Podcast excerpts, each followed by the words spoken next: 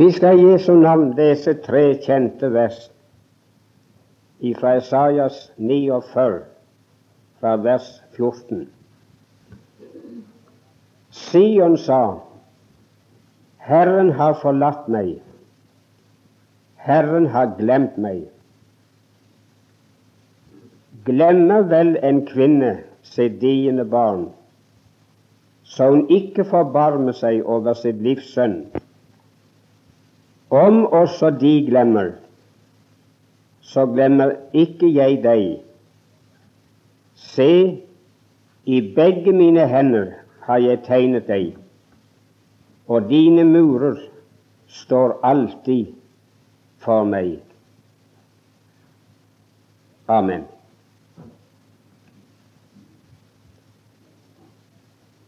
Da Israel satt som fanger i Babel, så kom det en tid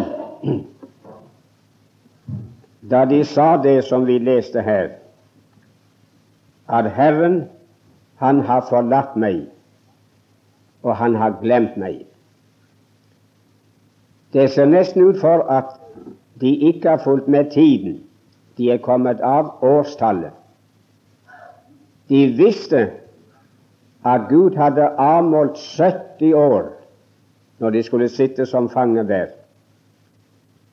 Og nå regnet de med at de 70 årene de var forbi for lenge siden. Og ennå satt de der. Og da var det ingen forklaring som lå nærmere for dem. En årsaken må være at Gud simpelthen har glemt oss. Og har Han glemt oss, så har Han forlatt oss. Og det betyr at her blir vi sittende. Vi vil aldri få vår frihet tilbake. Hvordan det, den håpløsheten føltes for de den gangen, det kan ikke jeg forklare men det har vært en svær tid. Det var i den tiden de ropte opp til vekterne som gikk på bymuren. Vekter, hvor langt på natt? Det var en åndelig natt som ruget over dem, og den skulle vare i 70 år. Og så spurte de nå hvor langt er vi kommet? Hvor lenge er det igjen av natten? Så det har vært en mørk og en tung, en forferdelig tid. Og det er mange troende venner som har vært akkurat i samme situasjon. De har vært fristet til å tenke det og fristet til å tro det og si det, at Gud, han har forlatt meg. Gud har glemt meg. Omstendighetene har vært slik at de kunne ikke finne noen forklaring på at de skulle ha det slik. Det måtte være den at Gud hadde forlatt dem. Og det finnes alltid grunner i et troende menneskes liv når han tenker seg om, og når han ser på sitt eget liv, så er det mange grunner for, meget som taler for, at Gud må ha forlatt den. Og ingen ville anklage ham om han det hadde gjort. Og det er ikke bare det at mange har vært fristet til å tenke og tale slik, men det er mennesker venner, som har det slik i dag at de sier det. Herren, han har forlatt meg, og han har glemt meg. Jeg møter rett så det den slags mennesker, og jeg får brever fra hele landet fra mennesker som er i en slik åndelig natt og mørke. Omstendighetene tilsier dem at Gud må ha forlatt dem. Når de har stelt seg slik og slik og vært så troløse som de har vært, så har Gud snudd dem ryggen, gitt dem opp. Og mange mener det er ikke mer noe håp for dem. Gud har glemt meg. Skal de be, så føles Gud så uendelig langt borte. De roper og ber, men det er akkurat som Gud ikke er hjemme. Han hører det ikke, han svarer ikke. De har ingen kontakt med Gud og ingen føling av hans nærhet. Og de er i den dypeste fortvilelse. Om her er noen slike i kveld som er inne i et slikt åndelig mørke, det kjenner ikke jeg til. Men det kan være her er noen. Kjente jeg dine omstendigheter og ditt liv, så vil jeg forstå deg bedre når du sier det. Men om du ikke er i den stilling i kveld, så kan dagen snart komme, min venn, da du blir en av de som føler det slik. Nå har Gud forlatt meg. En gang var Han meg så uendelig nær, og jeg hadde følelsen av Hans nærhet og samfunnet med ham. Men nå er det så og så lenge siden. Alt har vært stengt, og alt er stengt. Det nytter verken å lese eller be eller noen ting. Går jeg på møter, så blir det bare til dom og ingen trøst og ingen hjelp. Slike dager, min venn, kan komme før du vet det.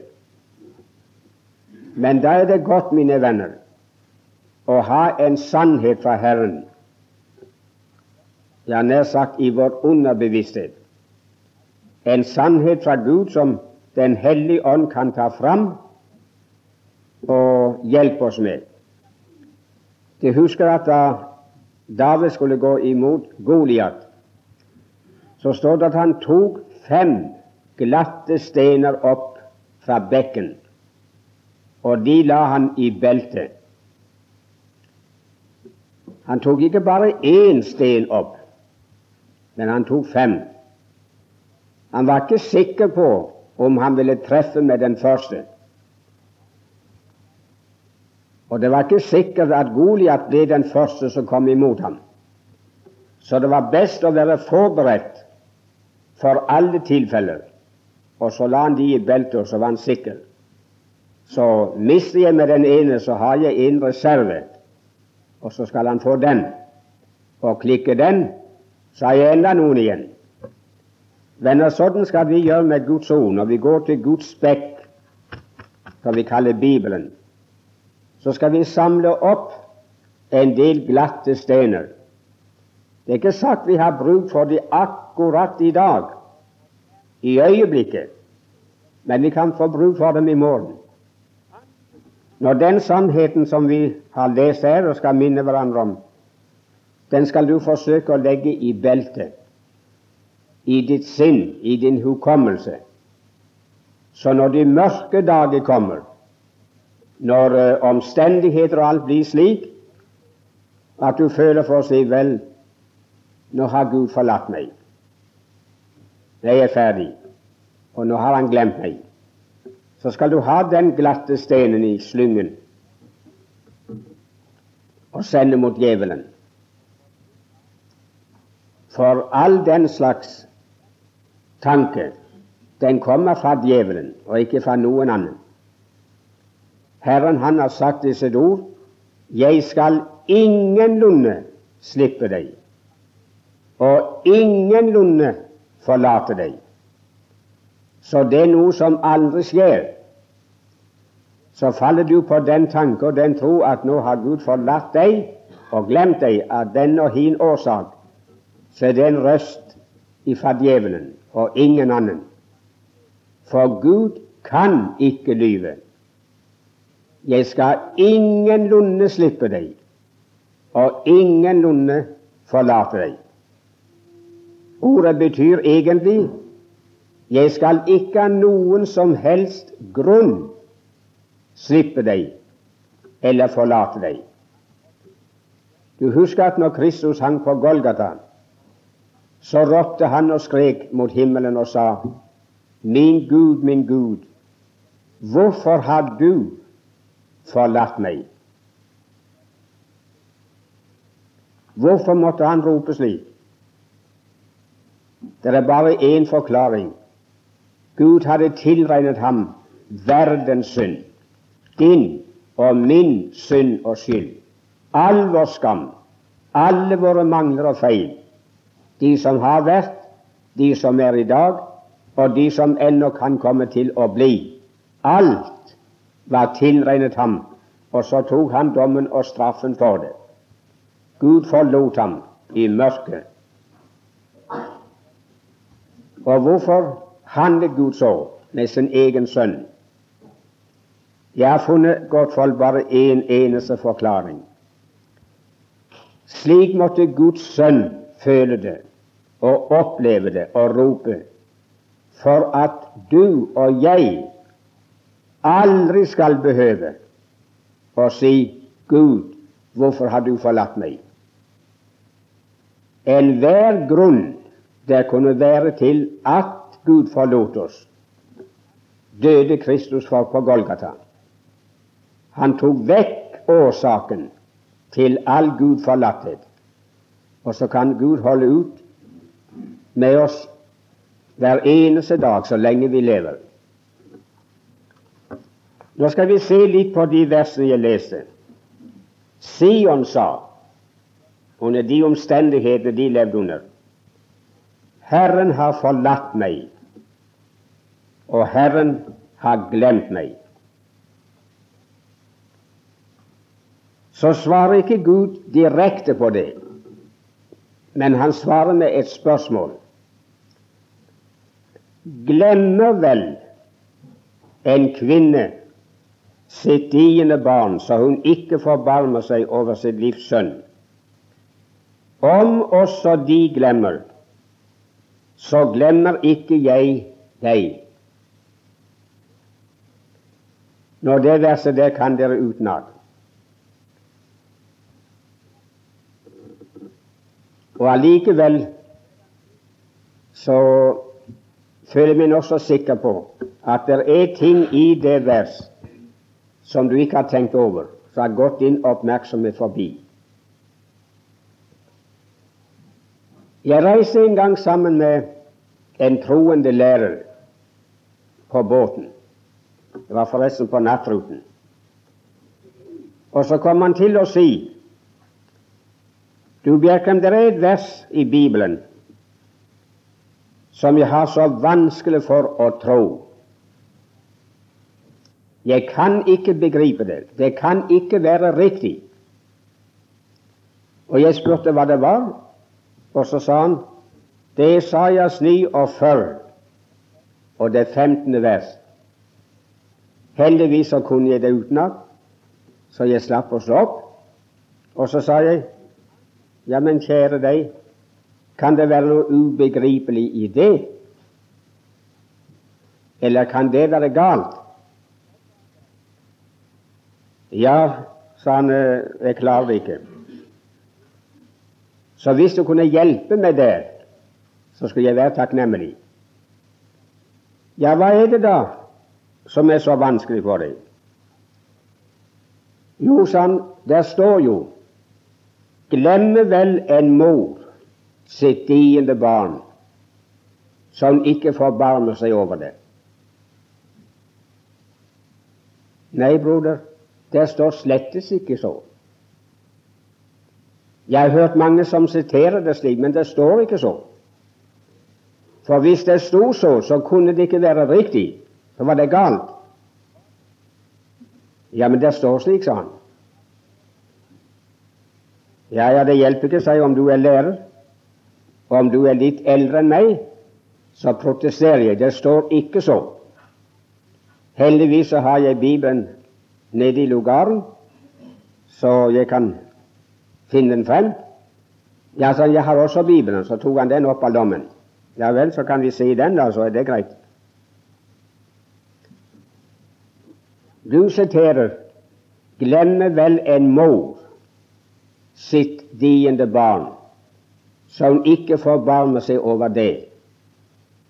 Ja, og så står det Ja, men det er nettopp det det ikke står, sa jeg. Jo, der står det sånn. Det skal jeg vise deg nå. Og nå forleden så leste jeg i en dagsavis fra en av byene våre om at politiet tidlig en morgen hadde funnet et spedbarn, nyfødt spedbarn, inntullet i noen klær, liggende ute på en trapp. Og det var vinter, koldt vær. Det var en mor som hadde født et barn til verden, og var så hjerteløs at hun tatt det og båret det ut og lagt det på, på trappen i håp om at noen skulle finne det i live og forbarme seg over det. Kan du tenke noe så hjerteløst? Der er altså sånn mødre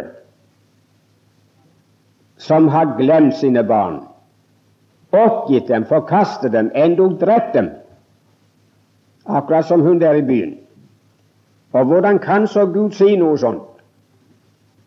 Ja, nå snakker vi ikke mer, seg, nå leser vi, for det står ikke så.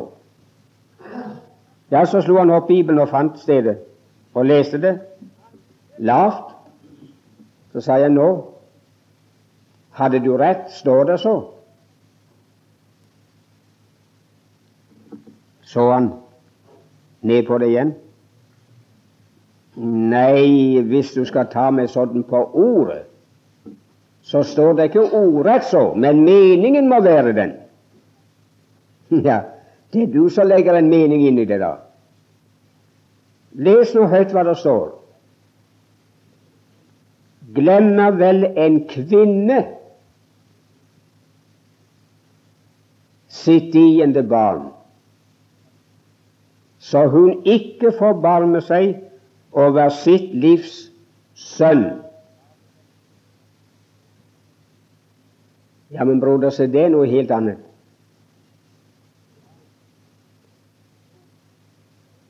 Ja, men en kvinne som har født et barn, og det barnet er hennes, er ikke hun da mor? Jo, det er en grei sak.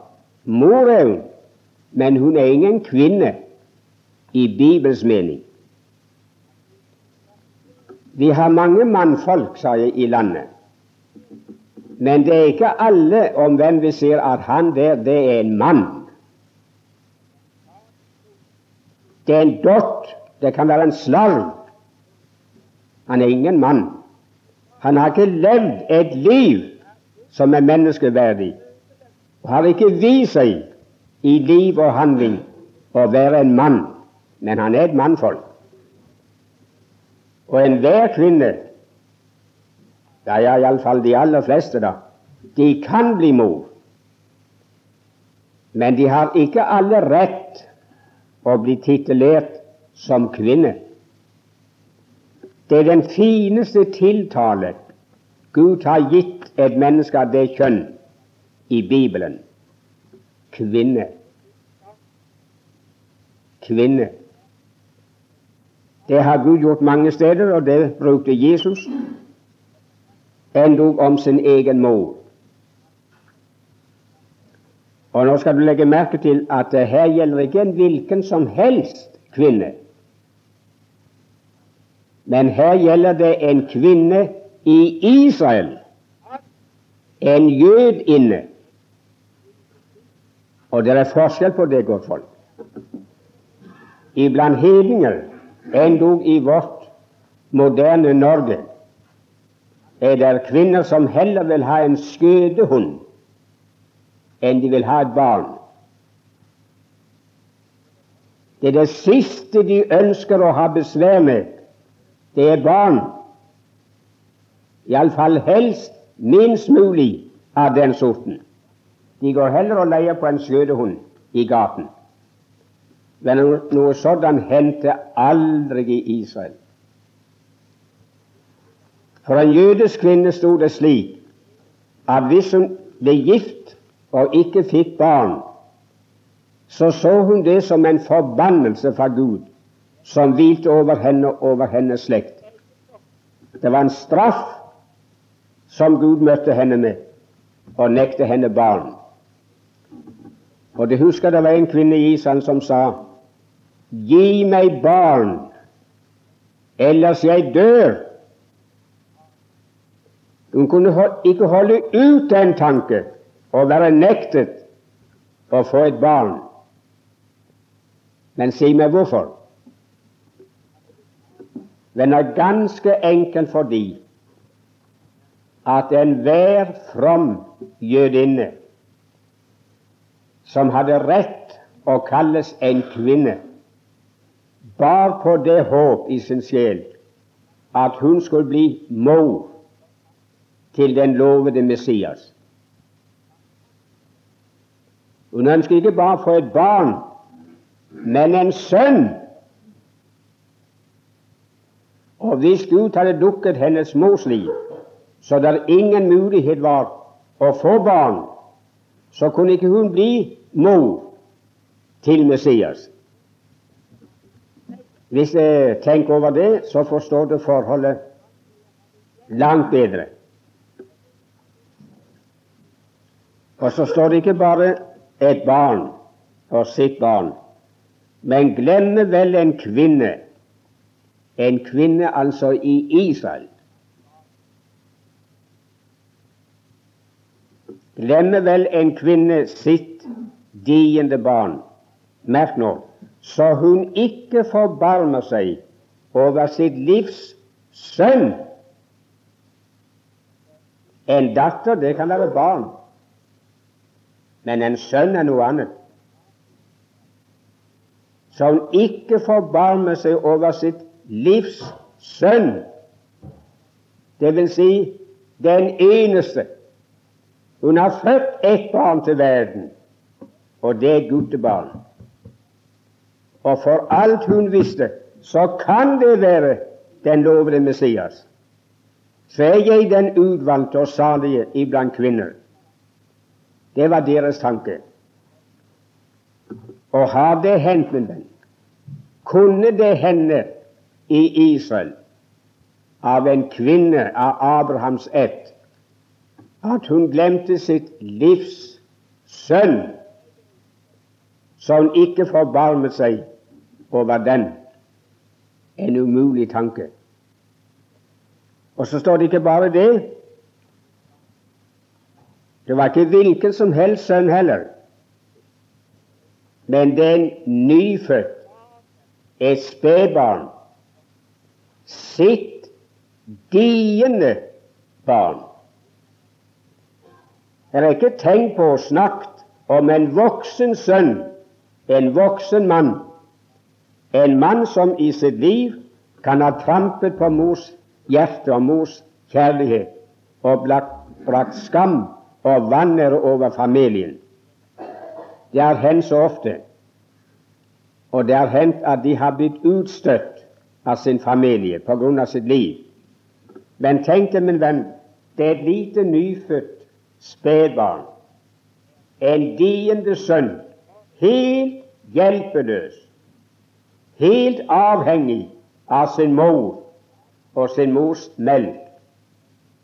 Så hvis hun glemmer det og forkaster det, ikke forbarmer seg over det lille barnet, så er det prisgitt døden. Har det hendt, min venn, at en slik kvinne som håpet at det kunne være Messias, at hun har glemt og forlatt sin diende sønn. Aldri. Det hender endog praktisk talt ikke mellom hedninger. Det hender når de er blitt voksne og har syndet og brakt skam og vanære over foreldrenes navn, så kan de bli utstøtt, men de blir alle glemt. De ble aldri oppgitt. Men nå sier altså Herren at om det umulige skulle bli mulig at en kvinne i Israel glemmer sitt livs sønn som ligger ved hennes bryst, den lille kjæledeggen, den lille engelen Når hun ser på den munnen, så tenker hun å, den søte munnen. Den kommer aldri til å si noe stygt. Hennes forstand sier at han kan komme til å gjøre det, men hjertet nekter å tro det. Og når en ser på de eh, små lubne hendene og føttene som tramper fanget, så tenker hun aldri at de føttene skal trampe på mitt hjerte, og at de små hendene noensinne skal slå meg og gi meg sår. Nei, nei, min venn, hun kaller det for engelen sin, som det er umulig å tenke seg vil bringe skam og vanner over henne, og sorg. Men om det umulige skulle bli mulig, sier Herren, så glem ikke jeg deg. Det jeg spør dere om, det har aldri hendt iblant Israel. De vet ikke om et slikt eksempel. Men om det en gang skulle bli vitne til det, så skal de huske så glemmer ikke jeg deg, og så forlater ikke jeg deg. Venner, med et slikt hjerte og med et slikt øye ser Gud på alle sine. Jeg skal ingenlunde slippe deg og ingenlunde forlate deg. Slik er Gud, og Gud kan ikke forandres. Det finnes ingen skygge av omskiftelse hos Gud. Så tror du, min venn, at du er glemt av ham, forlatt av ham av en eller annen årsak, så tar du feil. Så tar du feil. Så har du gjort Gud i himmelen til en løgner.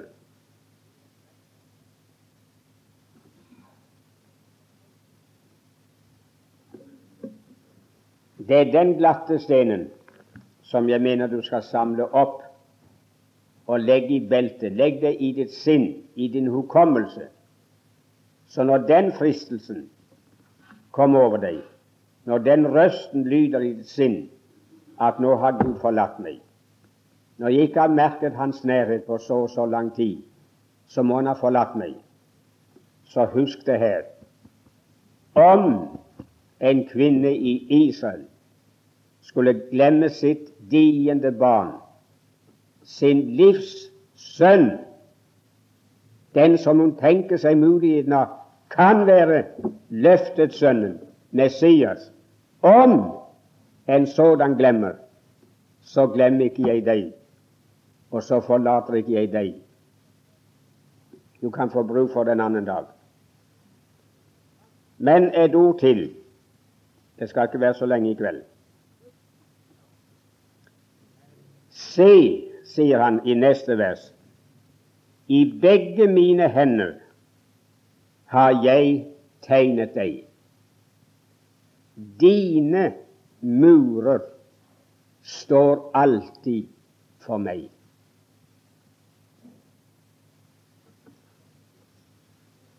Hva tror du det ligger i det? Jeg har hørt mange vitne og sitere det ordet, og så har de forbundet det med, med Kristi korsfestelse. Og nevnt sårene etter naglene i hans hender, og, og så videre.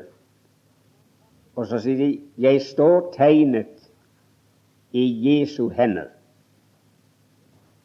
Og jeg hørte en predikant forresten for en tid tilbake som sto og fantaserte om at Gud simpelthen hadde tegnet, preget fotografiet av hver enkelt troende i hendene sine. Det skulle være noe til henne. Tenk på alle de milliarder av troende mennesker som har levd i verden. Og så skulle det stå preget et, et fotografi av hver enkelt i hendene hans. Det er bare from fantasi, men det er ingen dekning for det i Guds ord. Med venner, hender i Skriften står alltid som et uttrykk for gjerninger. Så når Gud snakker om sine hender, så sikter han til sine gjerninger. Jeg har tegnet deg i begge mine hender. Og det vil ganske enkelt si at i alle mine handlinger og alle mine gjerninger så er du tegnet. Alt er gjort med tanke på deg som nå sitter fangen her i Babel. Alt som skjer i verden, alt som skjer med nasjonene den gangen, det skjedde med tanke på dem og deres utfrielse. Så der er vi tegnet. Men så kommer det største og det beste. Dine murer, de står alltid for meg.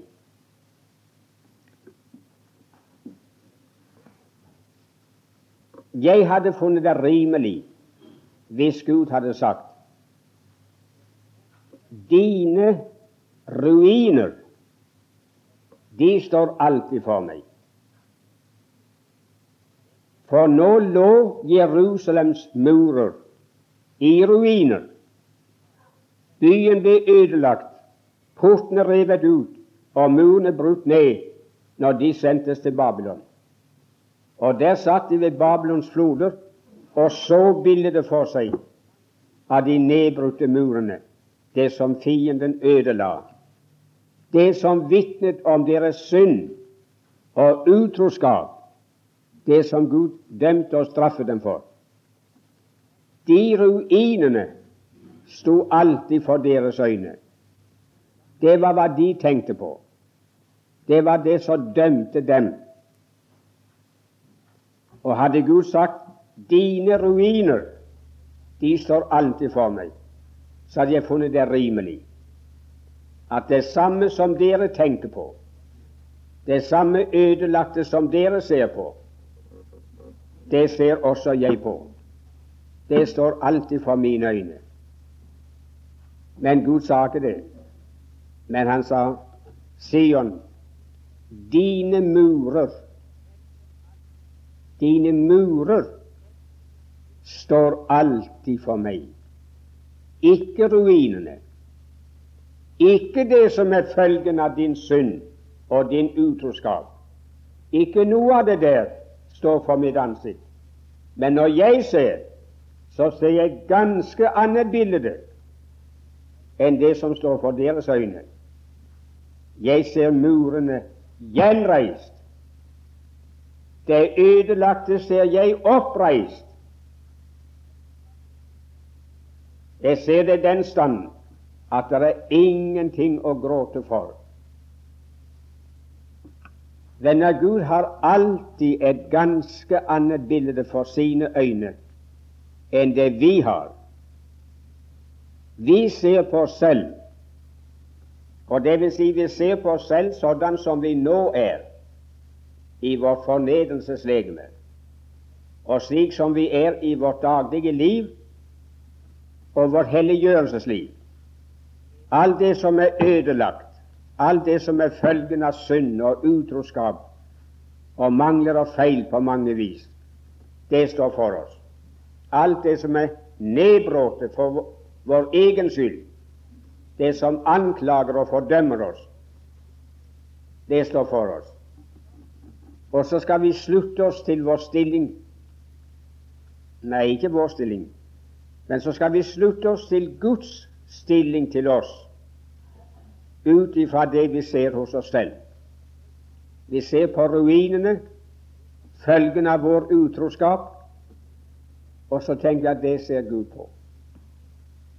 Og er vi bedrøvet og skuffet, så må Han enn mer være det det står alltid for hans øyne.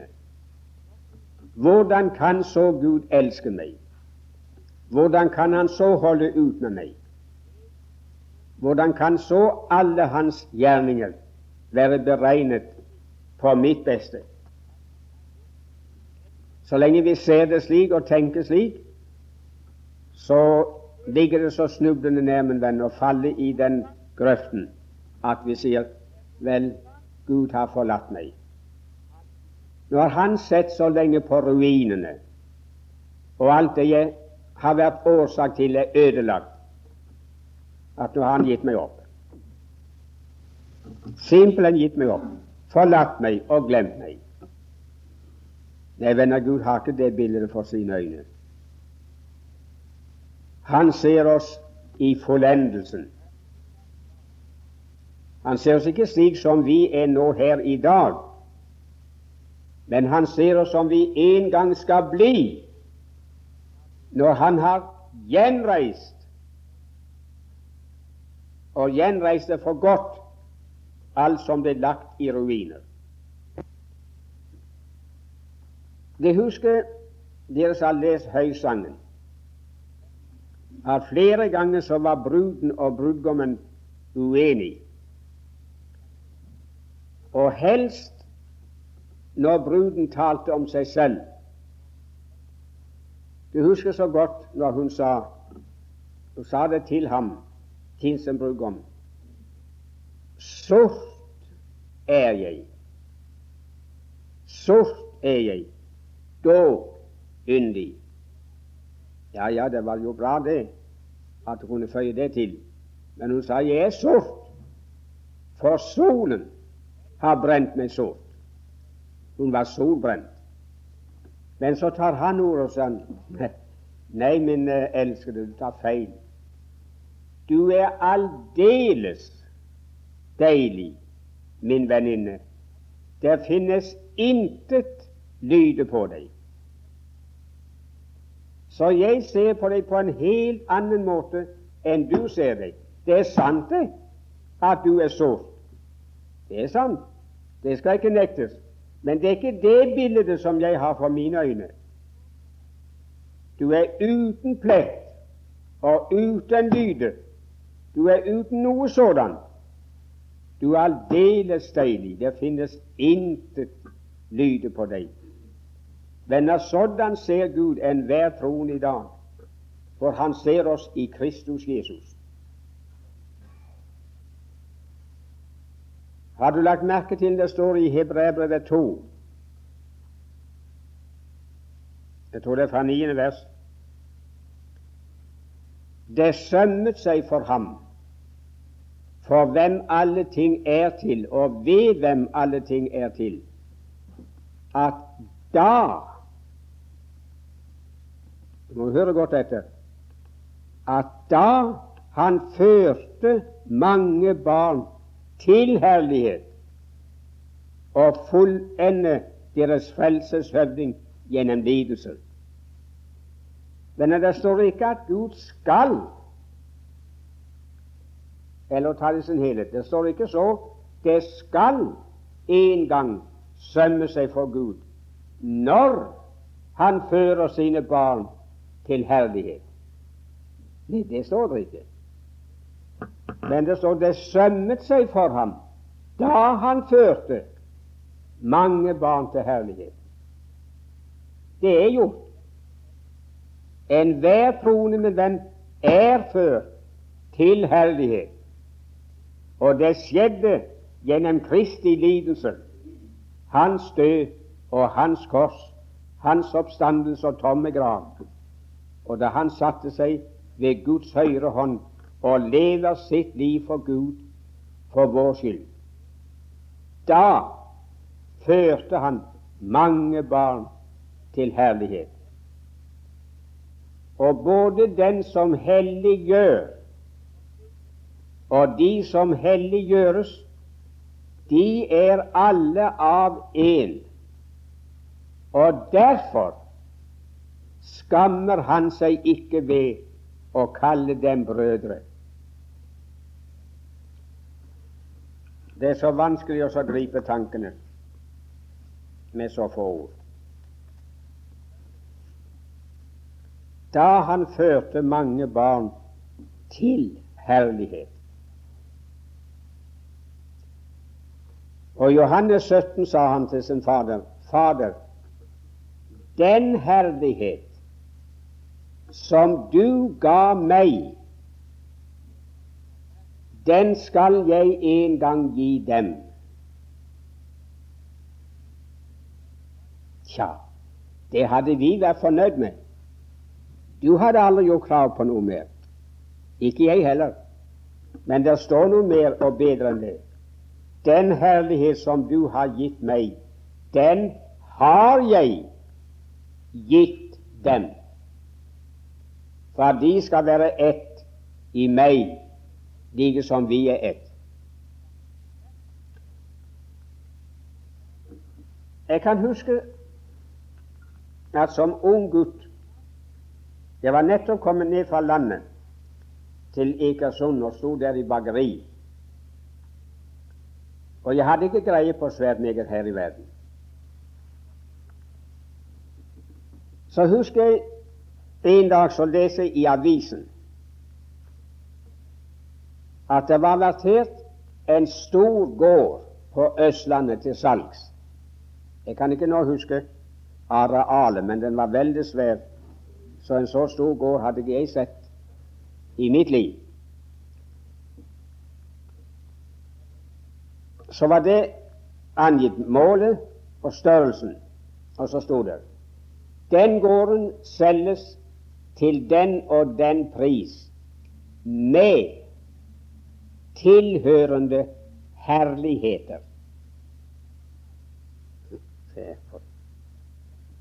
En stor gård på Østlandet,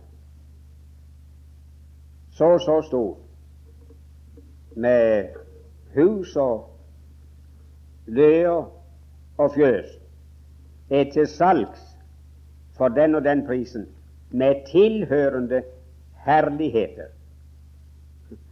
Tenkte hva i all verdens navn? Hva er de herlighetene for noe? Jeg tenkte på juletrepynt og, og sånn glitterstas. Men jeg var snart klar over at det, det kan ikke være noe sånn herlighet. Men hva slags herligheter kunne det være? Jeg skamte meg for å, å røpe hvor dum og uvitende jeg var, så det gikk lenge før jeg, jeg vågte å spørre meg for. Men jeg var voldsomt interessert. Og det gikk ikke lenge, så så jeg en annonse til hvor det sto noen om det samme, med tilhørende rettigheter, herligheter. Forsto De? Så våger meg til å nevne det for mesteren. Og så ser i bladet det er en stor gård på Østlandet til salgs for den og den prisen. Han er så og så stor. Men så er det tilføyd med tilhørende herligheter. Kan du si meg hva det er for noe? Nei, sånn, det kan jeg ikke si. Men jeg kan tenke meg hva det kunne være. Men jeg tør ikke si at det er det. Det kan være et jaktterreng, en jaktrett, rett til å drive jakt på et ganske annet sted i skogen. et sted som ikke hører til eiendommen. Og det kan være en lakserett, en fiskerett, enten i fjellvann eller i en elv. Og det kan være andel i elektrisk kraft i en kraftstasjon som ligger et ganske annet sted, men som tilhører den gården. Det er sånne rettigheter som hører gården til. Og de rettighetene, de går med i kjøpet. Denne tenk ikke på gitarer og mandoliner og harpeleiker og noe sånt som skal være i himmelen, og, og noe sånn palmegrener og sånn juletrepynt. Nei, nei, min venn. Den himmelske herlighet for Guds hold, det er noe ganske annet. Vi er ført til herlighet. Og vi har allerede fått Hans herlighet, de samme rettigheter og den samme stilling som den førstefødte sønnen i Guds familie har. Det tilhører oss nå allerede. Og Romerbrevet 8 sier endog at de som han kalte, de har han rettferdiggjort. Og de som han rettferdiggjorde, de har han også herliggjort. Det er ingen fremtidsbegivenhet. Det er skjedd. Men det er bare det med venn, det er ikke skjedd i vår person. Her er ingen her herligheter. Nei, nei, Ikke hos deg heller. Men i Kristus Jesus er vi allerede satt i himmelen og har samme adgang, samme stilling, samme rett som Han har. Og det er det bildet Gud har av oss i Kristus Jesus. Den oppstandende, fullendte frelser. Det er det bildet som Gud har for sine øyne. Ikke dine ruiner, men dine murer, det gjenreiste, det står alltid for mine øyne. Og da liker jeg, min venn, å betone at det står alltid for mine øyne. Det er bare en annen gang, godt folk, når Den hellige ånd tar sløret til side, enten vi sitter og leser eller vi hører Guds ord forklart, at vi får et lite glimt av dette her. Og det gjør oss så godt. Men straks er det vekke. Og så ser vi på det som gjør oss motløse. Så ser vi på ruinene, og så gråter vi, akkurat som de ved Babylons floder. Men venner, for hans øyne står murene alltid. Ikke bare en og annen gang, men konstant ser han oss i forlendelsen i Kristus Jesus. Det står så merkelig, venner, om Jesus i Hebreabrevet at da han var blitt fullendt, gikk han hjem og satte seg ved Guds høyre hånd som ypperste prest etter Melkesediks vis. Da han var fullendt. Han hadde nådd herligheten og himmelen igjen. Men det gjorde han, venner, ikke for sin egen skyld. Alt det han gjorde, det gjorde han som en stedfortreder. Det gjorde han for deg og meg. Så ble han fullendt ved sitt verk. Så blir de fullendt som han gjorde verket for. Vi er ikke fullendt i vår egen person, men vi er fullendt i ham. Og det er derfor, venner, vi synger.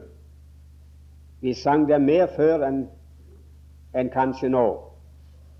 Jeg siterer det ofte, for jeg vet nesten ikke noe bedre å sitere når det gjelder menneskeord. Ren. Tenk det. Rett og slett ren. Når du tenker på ditt liv, passer det? Er du ren? Ren og rettferdig. Himmelen verdig. Det skulle være måte på. Snakke om en venn å være verdig himmelen. Synes du det at du er verdig til himmelen?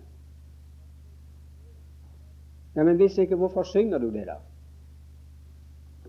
Ren og rettferdig, himmelen verdig, det skal jeg en gang bli. Nei, stopp nå, min venn. Det står der ikke. Du må ikke revidere den sangen. Det er jeg, ren og rettferdig, himmelen verdig. Det er jeg i den personen her. Langt derifra. Langt derifra. Her er bare uverdighet. Men det er jeg i verdens frelsere nå. Bedre kan det ikke sies. Og det er det fullendte bildet, de gjenreiste murene, det fullendte verk, forløsningen i hele dens fullendelse, det er det som alltid står for hans øyne. Dine murer står alltid for meg. Jeg hadde hatt et møte et sted ikke så svært langt herifra. Det var på Karmøyna. Men plassen kan være det samme. Jeg husker ikke nå hva jeg hadde talt om, men jeg er ganske sikker på at grunntonen i det var det samme som den alltid er. Noe av det som skinner gjennom også i kveld. Så var det en av de troende på stedet som ble bedt om å slutte av, og det gjorde han. Og han sluttet av bare med bønn. Men den bønnen kommer jeg aldri til å glemme. Jeg har aldri hørt noen be slik. Jeg tenkte på når jeg gikk hjem, og jeg har tenkt på det mange, mange, mange ganger siden. Bønnen lød ganske enkelt slik. Min Far i Kristus Jesus. Jeg vil be deg om én ting i kveld. Vil du løfte meg og de andre troende som sitter her, så høyt opp i vårt sinn at vi kan få se ovenifra og se det samme bildet som du ser. Og så sa han ammen. Ba om at Gud ville løfte ham så høyt opp at han kunne se ovenifra og ned og se det samme bildet som Gud ser.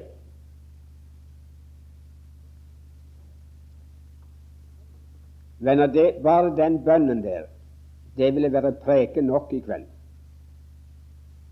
Hvis du tenker over det, så har du nok. Å få se i din sjel ikke det som du er, og det du ser her nede, men se det samme bildet i Kristus Jesus som Gud ser.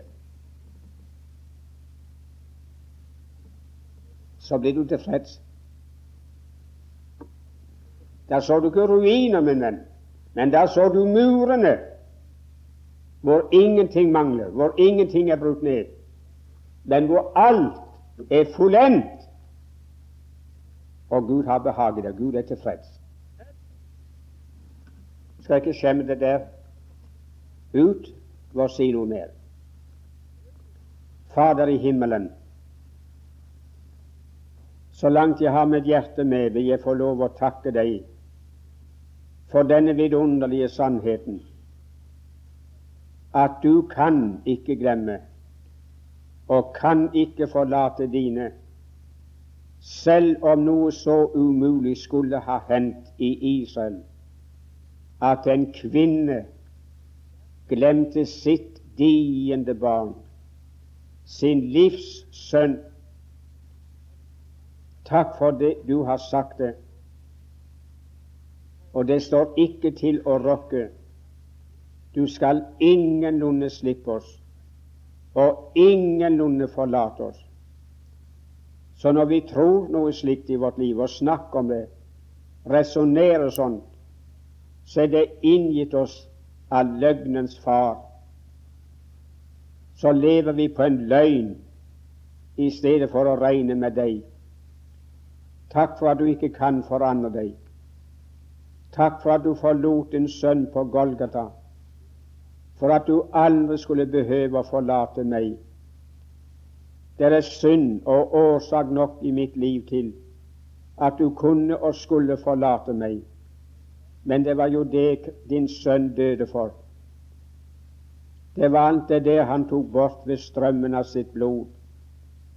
Og så er det ingen grunn lenger til at du skal fordømme meg og slippe meg. Og takk, kjære Herre, for du har et ganske annet bilde av ditt folk enn det vi har av oss selv. Murene, de gjenreiste murer, de står alltid for deg. Og så er du en tilfredsstillet Gud. Og så kan du vente til den vidunderlige stunden kommer i vårt liv, da vi forvandles til likhet med ditt herlighetslegeme. Da det i vår egen person ikke er noen forskjell mellom deg og oss, da slipper du å leve for oss i himmelen. Da kan vi selv være der og leve som vi skulle leve. Takk, Herre, for det bildet som er tegnet av deg i de ordene vi har lest her. Hjelp noen av dine barn å få noe av dette med seg hjem. Har de ikke bruk for det akkurat i kveld, så kan dagen snart være der når det er nettopp det ord de behøver. Det har hjulpet så mange andre av dine barn i verden i mørke timer. La det bli sant også for de som sitter her, i din Sønns høydovede navn. Amen.